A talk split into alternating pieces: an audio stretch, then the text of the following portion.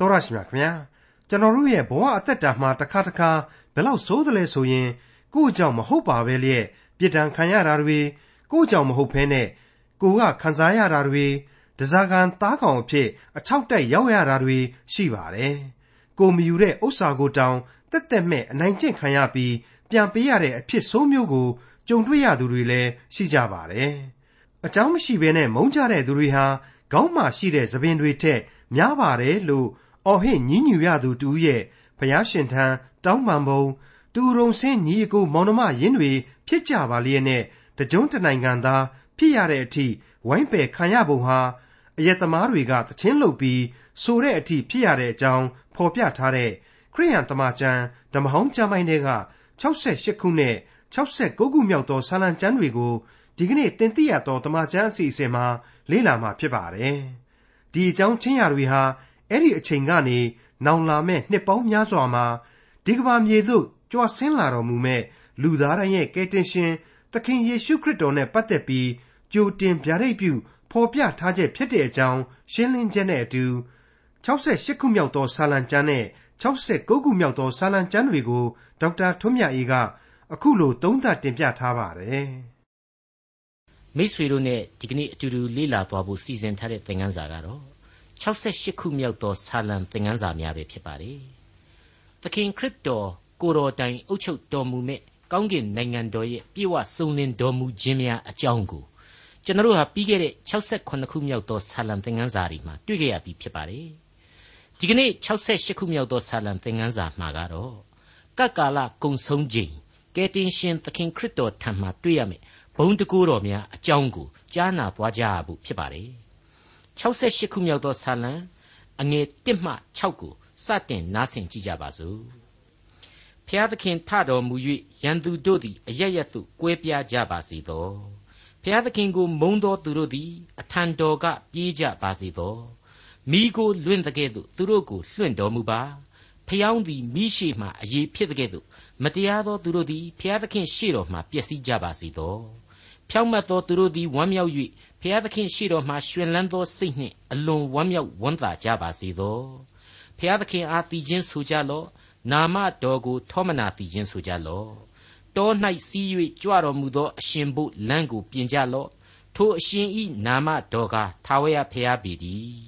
ရှေ့တော်၌ရှင်လန်းကြလော့ဖျားသခင်သည်တန်ရှင်းသောဘုံဗိမ္မာန်တော်၌စံပယ်လျက်မိဘမရှိသောသူတို့၏အဖဖြစ်၍မုတ်ဆိုးမတို့ဘက်မှတရားစီရင်တော်မူ၏ဖျားသခင်သည် ပေါက်ဖော်မရှိသောသူတို့အားအိမ်တောင်ချခြင်းအခွင့်ကိုပေးတော်မူ၍ချုပ်ထားသောသူတို့ကိုလည်းကြွယ်ဝခြင်းတည်းသို့သွင်းတော်မူ၏ညင်းဆန်သောသူတို့မူကားတွေးချောက်သောအရ၌နေရကြ၏တောလေယာကျမ်းအခန်းကြီး30မှာတော့ငါဆိုရင်ပရိညင်သစ်တာတော်ရဲ့ဥဆောင်မှုနဲ့ခရီးစတဲ့အချိန်တိုင်းမှာမောရှိကနေပြီးတော့ရန်သူများလွင့်သွားကြပါစေဆိုပြီးတော့ဆုတောင်းခဲ့တာကိုအမှတ်ရစရာကောင်းလာပါတယ်အခုဒါဝိဒ်မင်းကြီးက တကြောပြန်ဆိုလိုက်ပါတယ်ဖျားသခင်ထတော်မူ၍ရန်သူတို့ကွဲပြားကုန်ကြပါစေတဲ့ဒါအပြင်ဖျားသခင်ရဲ့ဣသရေလလူမျိုးတို့အပေါ်မှာစောင့်ထင်းခဲ့ပုံအကြောင်းတွေကိုပါဖွဲ့ဖွဲ့နွဲ့နွဲ့ဖော်ပြလိုက်ခြင်းဖြစ်ပါတယ်အတိတ်ကာလထွမြောက်ရာကျမ်းမှာတွေ့ကြုံခံစားခဲ့ရတဲ့ကျေးဇူးတော်များကိုဆက်လက်ဖော်ပြထားခြင်းဖြစ်ပါတယ်မိษွေတို့အနေနဲ့ဒီအပိုင်းတွေကိုဆက်လက်ပြီးတော့တဦးချင်းဖတ်ရှုလေ့လာသင့်တယ်လို့ကျွန်တော်အကြံပြုခြင်းပါတယ် ကျွန်တော်အနေနဲ့ကတော့အငယ်9ကနေ12အထိကိုကြော်လွန်ပြီးအငယ်73ကိုဆက်လက်ဖတ်ရှုပြခြင်းပါတယ်။သင်တို့သည်တောင်ကြားမှနေရာကျလျက်ငွေနှင့်မွမ်းမံသောဂျိုးငှက်တောင်ကဲ့သို့၎င်းနီသောရွှေနှင့်မွမ်းမံသောအမွေးကဲ့သို့၎င်းဖြစ်ကြလိမ့်မည်။ဒီအပိုင်းတွေကိုဖတ်ရတဲ့အခါကျတော့မိษွေတို့အနေနဲ့တရားသူကြီးမတယောက်ဖြစ်ခဲ့တဲ့ဒေဘောရကနေပြီးတော့ရူဘင်အမျိုးသားတွေရဲ့ညံ့ဖျင်းတဲ့အကြောင်းတွေ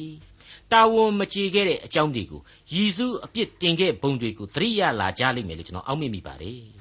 ကျွန်တော်ကတော့တရားသူကြီးမှတ်စာအဲ့ဒီအပိုင်းကိုပြန်ပြီးတော့တွေးဆဆင်ခြင်မိရင်းနဲ့ရူဘင်အမျိုးသားတွေဟာလူမျိုးတော်ဖြစ်ပါလျက်နဲ့လူမျိုးတော်ရဲ့တာဝန်ကိုမကြေခဲ့တဲ့အတွက်ကြောင့်ဒေဘောရစိတ်ဆိုးမှန်ဆိုးအပြစ်တင်ခဲ့တာကိုပြန်ပြီးတော့ကြားရောက်မိပါတယ်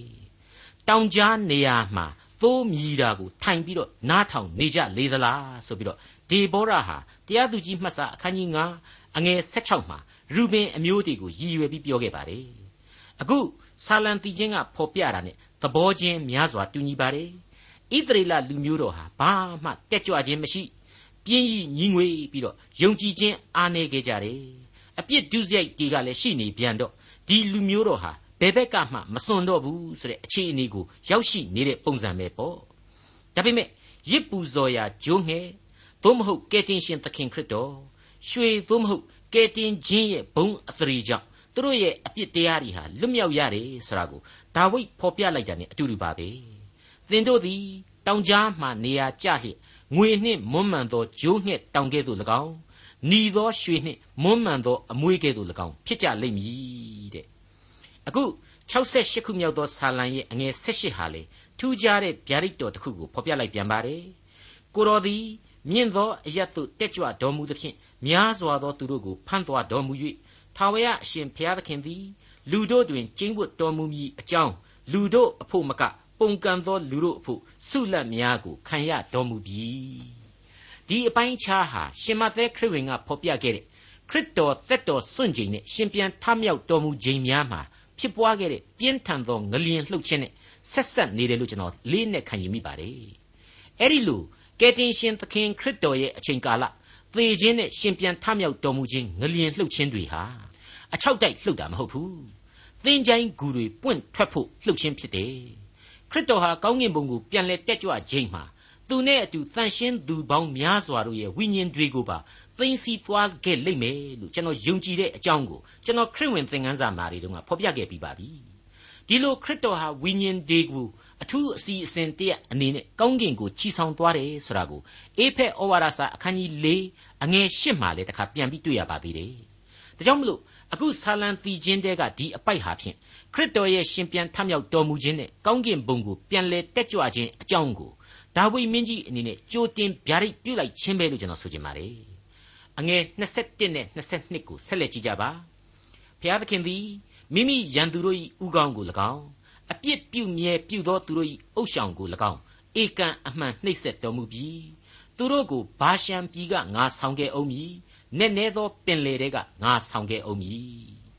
စာရမဏတ်ကိုကယ်တင်ရှင်ဟာအဆုံးတနေ့မှာပြင်းထန်စွာစီရင်တော်မူလိမ့်မယ်ဆိုတာကိုဖော်ပြထားပါတယ်နက်နဲသောပင်လေတွေကငါဆောင်အောင်မည်ဆိုတာကတော့ဣသရေလလူမျိုးတော်ကိုကယ်တင်မယ်ဆိုတဲ့အဓိပ္ပာယ်ပဲဖြစ်ပါတယ်68ခုမြောက်သောဆာလံအငယ်28နှစ် 34 35အဆုံးအထိအစိုးရသောဗိဉ္ဇမိန်ငယ်မှစ၍မိမိအလုံးအရင်နှင့်တကွယုဒမင်းများဇာဘူးလုံမင်းများနတ်တလိမင်းများပါကြ၏ဖျားသခင်သည်တကိုးကြည်တော်မူသည်ဟုဝန်ခံကြလော့ဣသရေလအမျိုးကိုဘုံတော်လွှမ်းမိုးလျက်တကိုးတော်လဲမိုးတိမ်တို့တွင်ထင်ရှားလျက်ရှိသည်။အိုဖျားသခင်ကိုတော်သည်တန်ရှင်းရာဌာနတော်အပြင်မှကြောက်ရွံ့ပွေဖြစ်တော်မူ၏ဣသရေလအမျိုး၏ဖျားသခင်က မိမိလူတို့အားအခွင့်တကိုးကိုပေးတော်မူသောဖျားပေသည်ဖျားသခင်သည် မင်္ဂလာရှိတော်မူပါစေတည်းတချို့ကဗင်ဂျမင်ငယ်ဆိုတာကိုအမျိုးမျိုးတွေးကြပါတယ် little benjamin ပေါ့ဒါကိုအတူကောက်အားဖြင့် little ben လို့ခေါ်ပါတယ်အင်္ဂလန်နိုင်ငံလန်ဒန်မြို့တော်က big ben ဆိုတဲ့နာယီစင်ကြီးဟာဗင်ဂျမင်ကြီး big ben ဆိုတာရဲ့အမှတ်တညာဆိုပြီးတော့လေပြောသူကပြောကြပါတယ်အမှန်ကတော့ဒါဝိဒ်အနေနဲ့ ဗင်ဂျမိန်အမျိုးအနွယ်ကိုချစ်စနိုးအနေနဲ့ ဗင်ဂျမိန်ငယ် little benjamin ဆိုပြီးတော့ချစ်စနိုးခေါ်လိုက်ခြင်းပဲဖြစ်ပါတယ်မိษွေတော်တတ်ရှင်အပေါင်းတို့အပြင်းအလွန်ချေးခဲ့တဲ့ရူဘင်အမျိုးအနွယ်ကစပြီးတော့ဣသရေလညီနောင်၁၂ယောက်ကပေါက်ဖွားခဲ့တဲ့ဣသရေလမျိုးဆက်တို့ဟာဘုရားသခင်ရဲ့ရှေ့တော်မှောက်မှာတမျိုးမှစံချိန်စံညွှန်းမမီနိုင်ခဲ့လောက်အောင်အပြစ်တွေအသီးသီးရှိခဲ့ကြပါတယ်ဒါပေမဲ့ဘုရားသခင်ဟာသူတို့ကိုကောင်းကြီးအမျိုးမျိုးနဲ့ပတ်ရစ်ခဲ့တယ်ဆိုတာကိုမငြင်းနိုင်ပြန်ပါဘူး ဒီကနေ့ကျွန်တော်တို့မိษွေတို့အားလုံးအပါအဝင်လူသားတွေဟာလေဒီအတိုင်းပဲဖြစ်လိမ့်မယ်လို့ကျွန်တော်လေးနဲ့စွာခံယူမိပါတယ်ခရစ်တော်အားဖြင့်ဘုရားသခင်ရဲ့သားသမီးများအဖြစ်ရွေးကောက်ခြင်းကိုခံယူပြုတော်မူသောကယ်တင်ခြင်းကျေးဇူးတော်အတွက်အစင်မပြတ်ကျေးဇူးတော်ချီးမွမ်းထောမနာပြုရမယ်တာဝန်တွေကိုစီကိုငှရှိနေကြတဲ့အကြောင်းလေးစားစွာတင်ပြလိုက်ပါရစေမိษွေတော်တတ်ရှင်အပေါင်းတို့အခုအချိန်မှာတော့အကျယ်တဝင့်ဖွင့်ဆိုရမယ်ဆာလံတီချင်းတစ်ပုဒ်ဖြစ်တဲ့ 69ခုမြောက်သောဆာလံတီချင်းကိုရောက်ရှိလာပါပြီအကျယ်တဝင့်ဖွင့်ဆိုရလောက်အောင်လေအရေးကြီးတဲ့ဆာလံတီချင်းကြီးပဲလို့ဆိုကြပါတယ်စတင်နားဆင်ကြည့်ကြပါ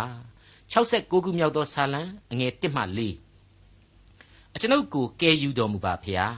ရေသည်အကျွန်ုပ်အသက်ဝိညာဉ်တိုင်အောင်ရောက်ပါပြီခြေနှင်းရာမရှိနက်လှသောရွှွန့်ထဲမှကျွံပါပြီ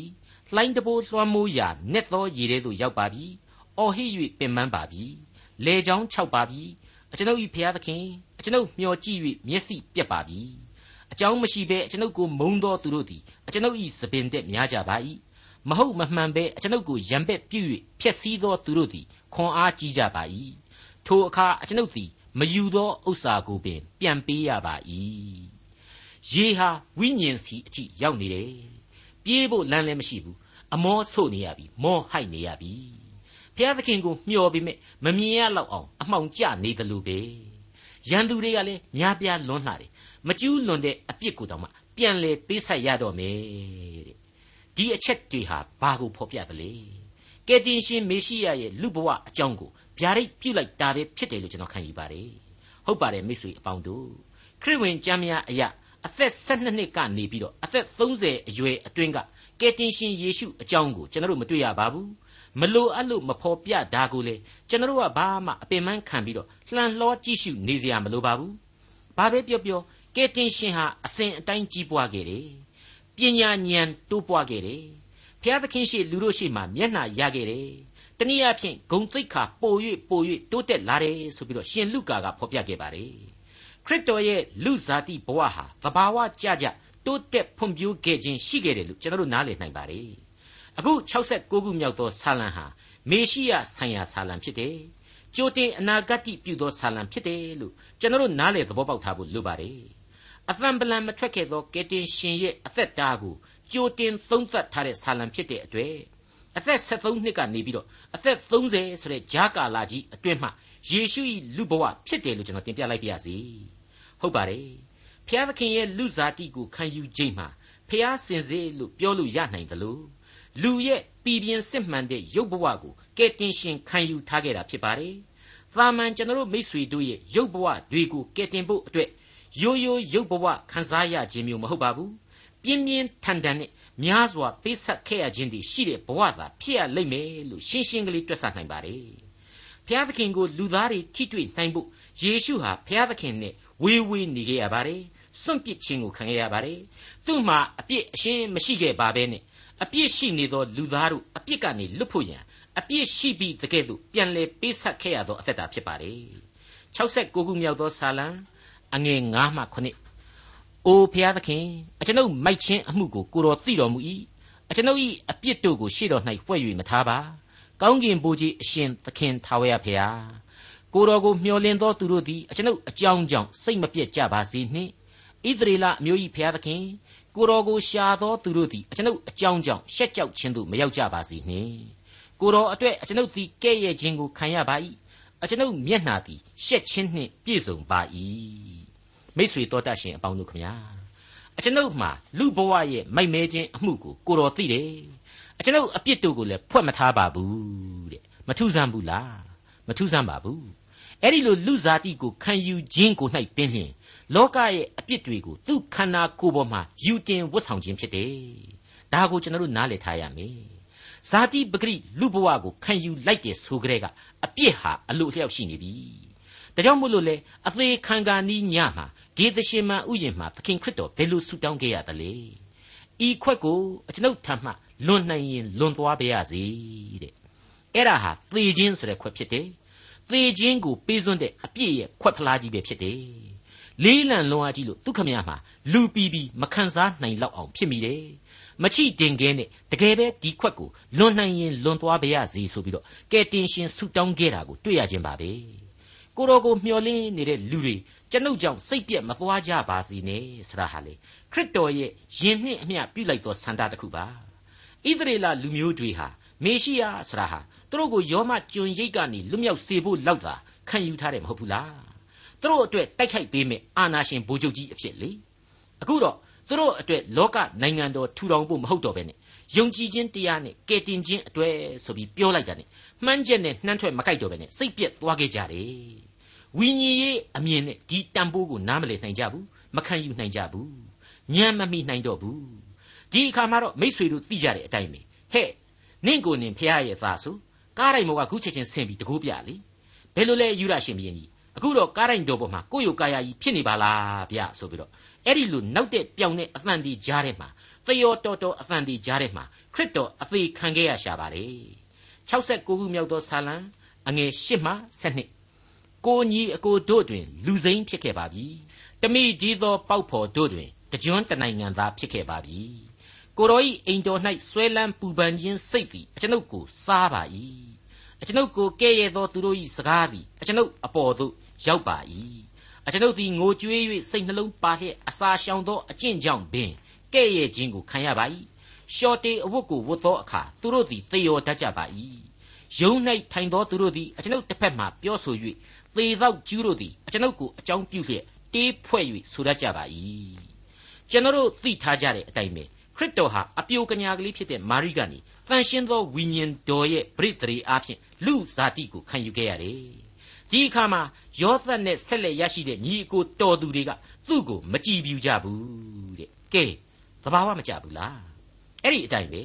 ကားရင်တော်ကိုတက်ပြီးတော့အသေးခံပြီးတော့ရှင်ပြန်ထမြောက်မပြမချင်းဒီမိသားစုဒီပတ်ဝန်းကျင်ဒီနာဇရက်မြို့ကြီးဝန်းကျင်ဟာကယ်တင်ရှင်သခင်ခရစ်တော်ကိုစိမ့်စိမ့်ကာကာကြီးဆက်ဆံခဲ့ကြမယ်ဆိုတာကိုအသေးချာကျွန်တော်ပြောဝတ်တယ်တမိဒီသောပေါက်ဖော်တို့တွင်တကြွတနိုင်ငံသားတဲ့ယဉ်နှင့်စရာမကောင်းဘူးလား တဖက်အေးတဲ့မွေးတယ်လို့များရောင်လို့တောင်မသုံးတာကိုသတိပြုပါနော်ဟုတ်တယ်ခရစ်တော်ဟာဘုရားသခင်ရဲ့လူစားတီအပြိုကညဝန်းကနေအမိန့်တော်နဲ့သတိတီးခဲ့တာဒါကိုကျွန်တော်တို့သတိပြုကြရမယ်ဒါကြောင့်မလို့ဖအေးအကြောင်းလုံးဝထဲ့မပြောဘူးတမိဒီသောပေါက်ဖော်တို့တွင်တကြွတနိုင်ငံသားဖြစ်ခဲ့ပါပြီတဲ့ကဲနှုတ်ကပတ်တော်ဟာဘလောက်စီးလုံးတယ်လေညီညွတ်တယ်လေအိမ်တော်၌ဆွဲလန်းပူပန်ခြင်းစိတ်ရှိတယ်တဲ့အဲ့ဒါကိုရောဘသူညင်းနိုင်လို့တော့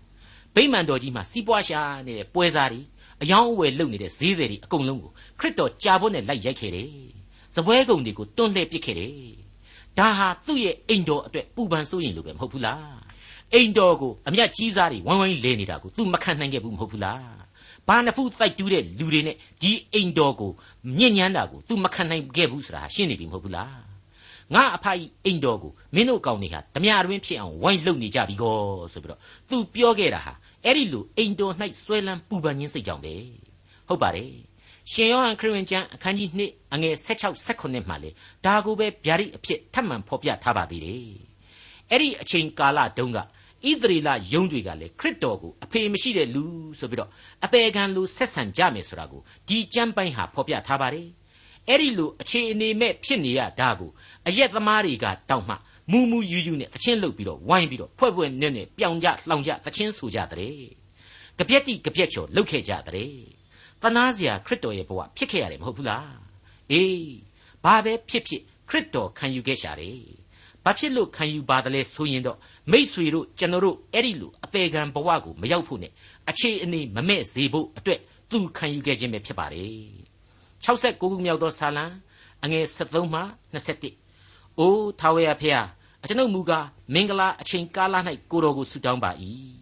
အိုဖျားသခင်ဂယုနာတော်ကြွယ်ဝသည်နှင့်အညီကဲတင်တော်မူခြင်းသစ္စာအတိုင်းအကျွန်ုပ်စကားကိုနားထောင်တော်မူပါအကျွန်ုပ်ကိုရှွန့်တဲကကဲနှုတ်တော်မူပါနစ်စီတော်မမူပါနှင့်အကျွန်ုပ်ကိုမုံသောသူတို့လက်မှ၎င်းနက်သောရေတဲက၎င်းလွတ်ပါစေသောရေထ၍မလွှမ်းပါစေနှင့်နည်းနည်းရာ၌မမြုပ်ပါစေနှင့်အကျွန်ုပ်အပေါ်မှာတွင်းဝမပိတ်ပါစေနှင့် အိုးထာဝရဖျားကျေးဇူးပြုကျင်သော စေတနာတော်သည် ကောင်းမွန်သောကြောင့်အကျွန်ုပ်စကားကို နားထောင်တော်မူပါစုံမဲ့တော်မူခြင်းဂရုဏာများပြားသည်နှင့်အညီအကျွန်ုပ်ကိုမျက်နှာပြုတော်မူပါကိုတော်ဤကျွန်မှမျက်နှာတော်ကိုလွှဲတော်မမူပါနှင့်ဘေးရောက်ပါပြီအလျင်အမြန်နားထောင်တော်မူပါအကျွန်ုပ်အသက်ဝိညာဉ်သို့ချင်းကပ်၍ရွေတော်မူပါရန်သူများရှိကြောင်းကိုထောက်၍ချမ်းသာပေးတော်မူပါ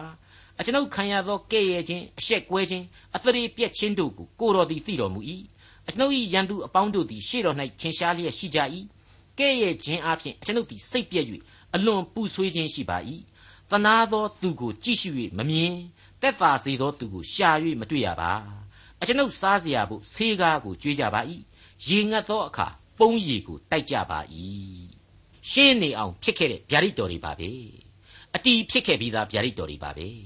ခရစ်တော်ဟာလူစားတိကိုပြီးပြီးပြင်းပြင်းခံယူထားပါတယ်ဒါကြောင့်မလို့ ဒီအသွေးအသားဒီရုပ်ခန္ဓာဟာဒီဝေဒနာများအတွက်ကြိုတင်ပူလောင်ခြင်းရှိကိုရှိခဲ့ရမယ်ဖြစ်နိုင်ရင်မခံစားပါရစေနှင့်လွန်သွားပါရစေဆိုတဲ့ခံစားချက်တွေရင်ထဲမှာတလိမ့်လိမ့်ရှိခဲ့ရပါလိမ့်မယ်ရေငတ်သောအခါပုံးရည်ကိုတိုက်ကြပါ၏တဲ့ခရစ်ဝင်ကျမ်းတွေထဲမှာခရစ်တော်ဟာအသက်တော်ချုပ်လူစေအချိန်လူတစ်ယောက်သည်ချက်ချင်းပြေး၍ရေမိုးတရေကိုပုံးရည်နှင့်ပြည့်စီပြီးလျှင်ကျူလုံးပြား၌တိုက်၍ ကိုတော်အားတောက်စိမ့်သောငါပေးလေ၏လို့တွေ့ကြရပြီမဟုတ်ဘူးလားဒီတော့နှုတ်ကပတ်တော်ရဲ့ဗျာဒိတ်တော်ကြီးဆရာဟာမပြည့်စုံရင်ပြည့်စုံအောင်လို့ကိုရန်သူတွေကတောင်ဝိုင်းပြီးတော့ဖြည့်ဆွက်ပေးရတယ်ဆိုတာဟာရှင်းရှင်းကြီးတွေ့ရပြီဘလောက်အံ့ဩဖို့ကောင်းတယ်လေအဲ့ဒီလောက်အထိအံ့ဩဖွယ်ကောင်းလောက်အောင်ပြေဝစုံလင်ခဲ့တဲ့ဗျာဒိတ်တော်ရဲ့အဆုံးမှာတော့သမန်ကာရှံကာဖတ်ရင်းနဲ့မျက်စိလေသွားစေနိုင်တဲ့ဆာလံဗျာဒိတ်တို့ဟာအခုလိုပြောင်းလဲထွက်ပေါ်လာခဲ့ပါတယ်အငယ်22မှ29 သူတို့စပွဲသည်သူတို့ရှေ့မှကြော်ကွင်းတော်၎င်းခံတိုက်သောအပြစ်တော်၎င်းထောင်ချောက်တော်၎င်းဖြစ်ပါစေသူတို့သည်မမြင်နိုင်အောင်မျက်စိကွယ်ပါစေသူတို့ခါသည်လေအစဉ်တုံပါစေသူတို့အပေါ်မှာအမျက်တော်ကိုသွန်းလောင်းတော်မူ၍အမျက်တော်အရှိန်သည်သူတို့ကိုမိပါစေသူတို့နေရာအရက်သည်လူစိတ်ညံရာအရက်ဖြစ်ပါစေသူတို့အိမ်၌နေသောသူမရှိပါစေနှင့်အကြောင်းမူကားသူတို့သည်ဒဏ်ခတ်တော်မူသောသူကိုညှင်းဆဲကြပါ၏ နာစေတော်မူသောသူကိုထပ်၍နာစေကြပါ၏သူတို့အပြစ်၌အပြစ်ကိုထပ်၍ပေးတော်မူပါ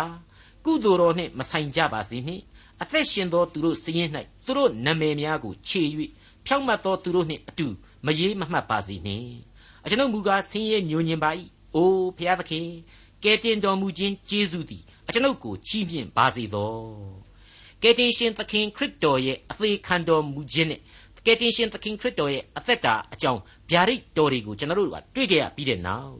အခုပြောင်းလဲဖြစ်ပေါ်တဲ့ဗျာဒိတ်တော်တွေကြောင့်မျက်စိလဲသွားလိမ့်မယ်လို့ကျွန်တော်ဖော်ခဲ့ပါတယ်ဟုတ်ပါတယ်သမန်ကရှန်ကဖတ်ရင်းနဲ့မျက်စိလဲစေနိုင်တဲ့ဆာလံဗျာဒိတ်တို့ဟာအခုလိုပေါ်ထွက်လာခဲ့ခြင်းပါမှန်ပါတယ်အခုကျွန်တော်တို့ကြားခဲ့ရတဲ့အတိုင်းအခုဗျာဒိတ်တော်တွေကြတော့ကျိန်ဆိုခြင်းဗျာဒိတ်တော်တွေအဖြစ်ပြောင်းလဲသွားပါတယ်ဒါကိုတချို့ကကျမ်းစာကိုအပုတ်ချဖို့လောက်စောင့်နေတဲ့လူတွေအနေနဲ့ ခရစ်တော်ကနေပြီးတော့လူဘဝမှာအခုလိုပဲလူတွေကိုကျိန်ဆဲသလားဆိုပြီးတော့ဆက်လက်အတိတ်ပဲပြန်ပြီးတော့နှာခေါင်းရှုံကြတာကိုကျွန်တော်တွေ့ဘူးပါတယ်လုံးဝမှားယွင်းတဲ့အတွေ့အခေါ်တစ်ခုပဲလို့ကျွန်တော်ဒီနေရာမှာဆိုချင်ပါတယ်အဲ့ဒီညင်းညခုံညတဲ့သူတွေကိုလည်းရှင်းညင်ပါတယ်ရေးဖွဲ့သူဆာလံဆရာရဲ့ဖွဲ့ဆိုမှုတဲကဗျာဒိတ်တွေ့ဟာအကန့်လိုက်အကန့်လိုက်ခွဲပြီးတော့ယူဆောင်ကြရမှာဖြစ်ပါတယ်အတိတ်ပဲတွေမတူညီနိုင်ပါဘူးအခုဖော်ပြချက်ဟာဒါဝိဒ်မင်းကြီးရဲ့ကျိန်ဆိုခြင်းဖြစ်တယ်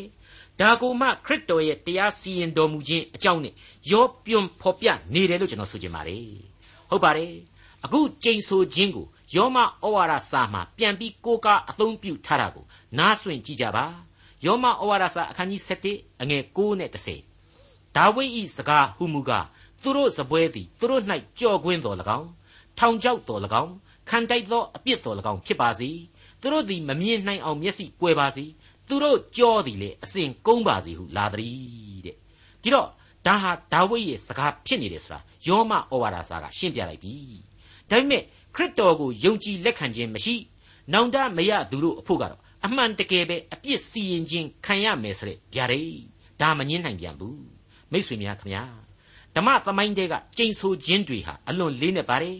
ဒီကျိန်ဆိုမှုတွေရဲ့နောက်ခံဇာတ်ကြောင်း ကြမ်းပြိုင်စသည်တို့နဲ့သာပူးတွဲပြီးလေ့လာရမှာဖြစ်တယ်လို့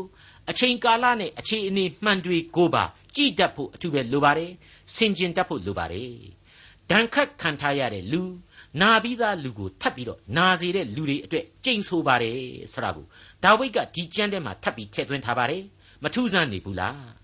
ခရစ်တော်ဟာလူစားတိကိုခံယူပြီးတော့လောကရန်ရဲ့ဆင်းရဲခြင်းဒဏ်ကိုခံရတယ် နာကြီးစွာသောအသက်တာမှာရှင်သန်ခဲ့ရတယ်ဆိုတာတွေကိုအထက်မှာကျွန်တော်တို့ရှင်းပြခဲ့ပြီးပြီအဲ့ဒီလိုဒဏ်ခံနေခဲ့ရပြီးသားဖြစ်တဲ့ခရစ်တော်ကိုထပ်ပြီးတော့ဒဏ်ခံရအောင်ညှင်းဆဲနှိပ်စက်ခဲ့ကြတဲ့လူသားတွေအတွက်ဇာတိပဂရိအယအပြစ်ရှိပြီးသားဖြစ်ရာကနေအပြစ်ကိုထပ်ပြီးပေးပါတဲ့ကဲဒီလောက်ရှင်းနေတဲ့ဗျာဒိတ်တော်တွေအပေါ်မှာဘာများတန်တရားတွေဇောရကတွေအငင်းပွားစရာတွေလိုတော့မှလေအသက်ရှင်သောသူတို့၏စီးရင်၌သူတို့အမိများကိုခြေ၍ ဖြောင့်မတ်သောသူတို့၏စီးရင်ထဲမှာမပါစေရပါဘူးတဲ့ဗျာဒိတ်ကျမ်းအခန်းကြီး3အငယ်9မှာအသက်စာဆောင်ဆိုတာကိုတွေ့ရပါလိမ့်မယ်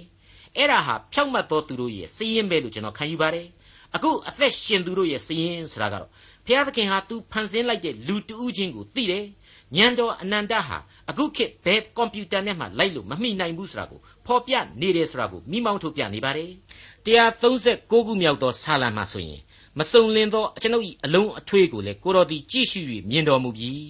ထိုအရာတို့ကိုပြုပြင်၍တစုံတစ်ခုမျှမရှိမီကာလတွင်ကိုတော်ဤစည်ရင်၌အကုန်အစင်မှတ်သားလျက်ရှိကြပါ၏တဲ့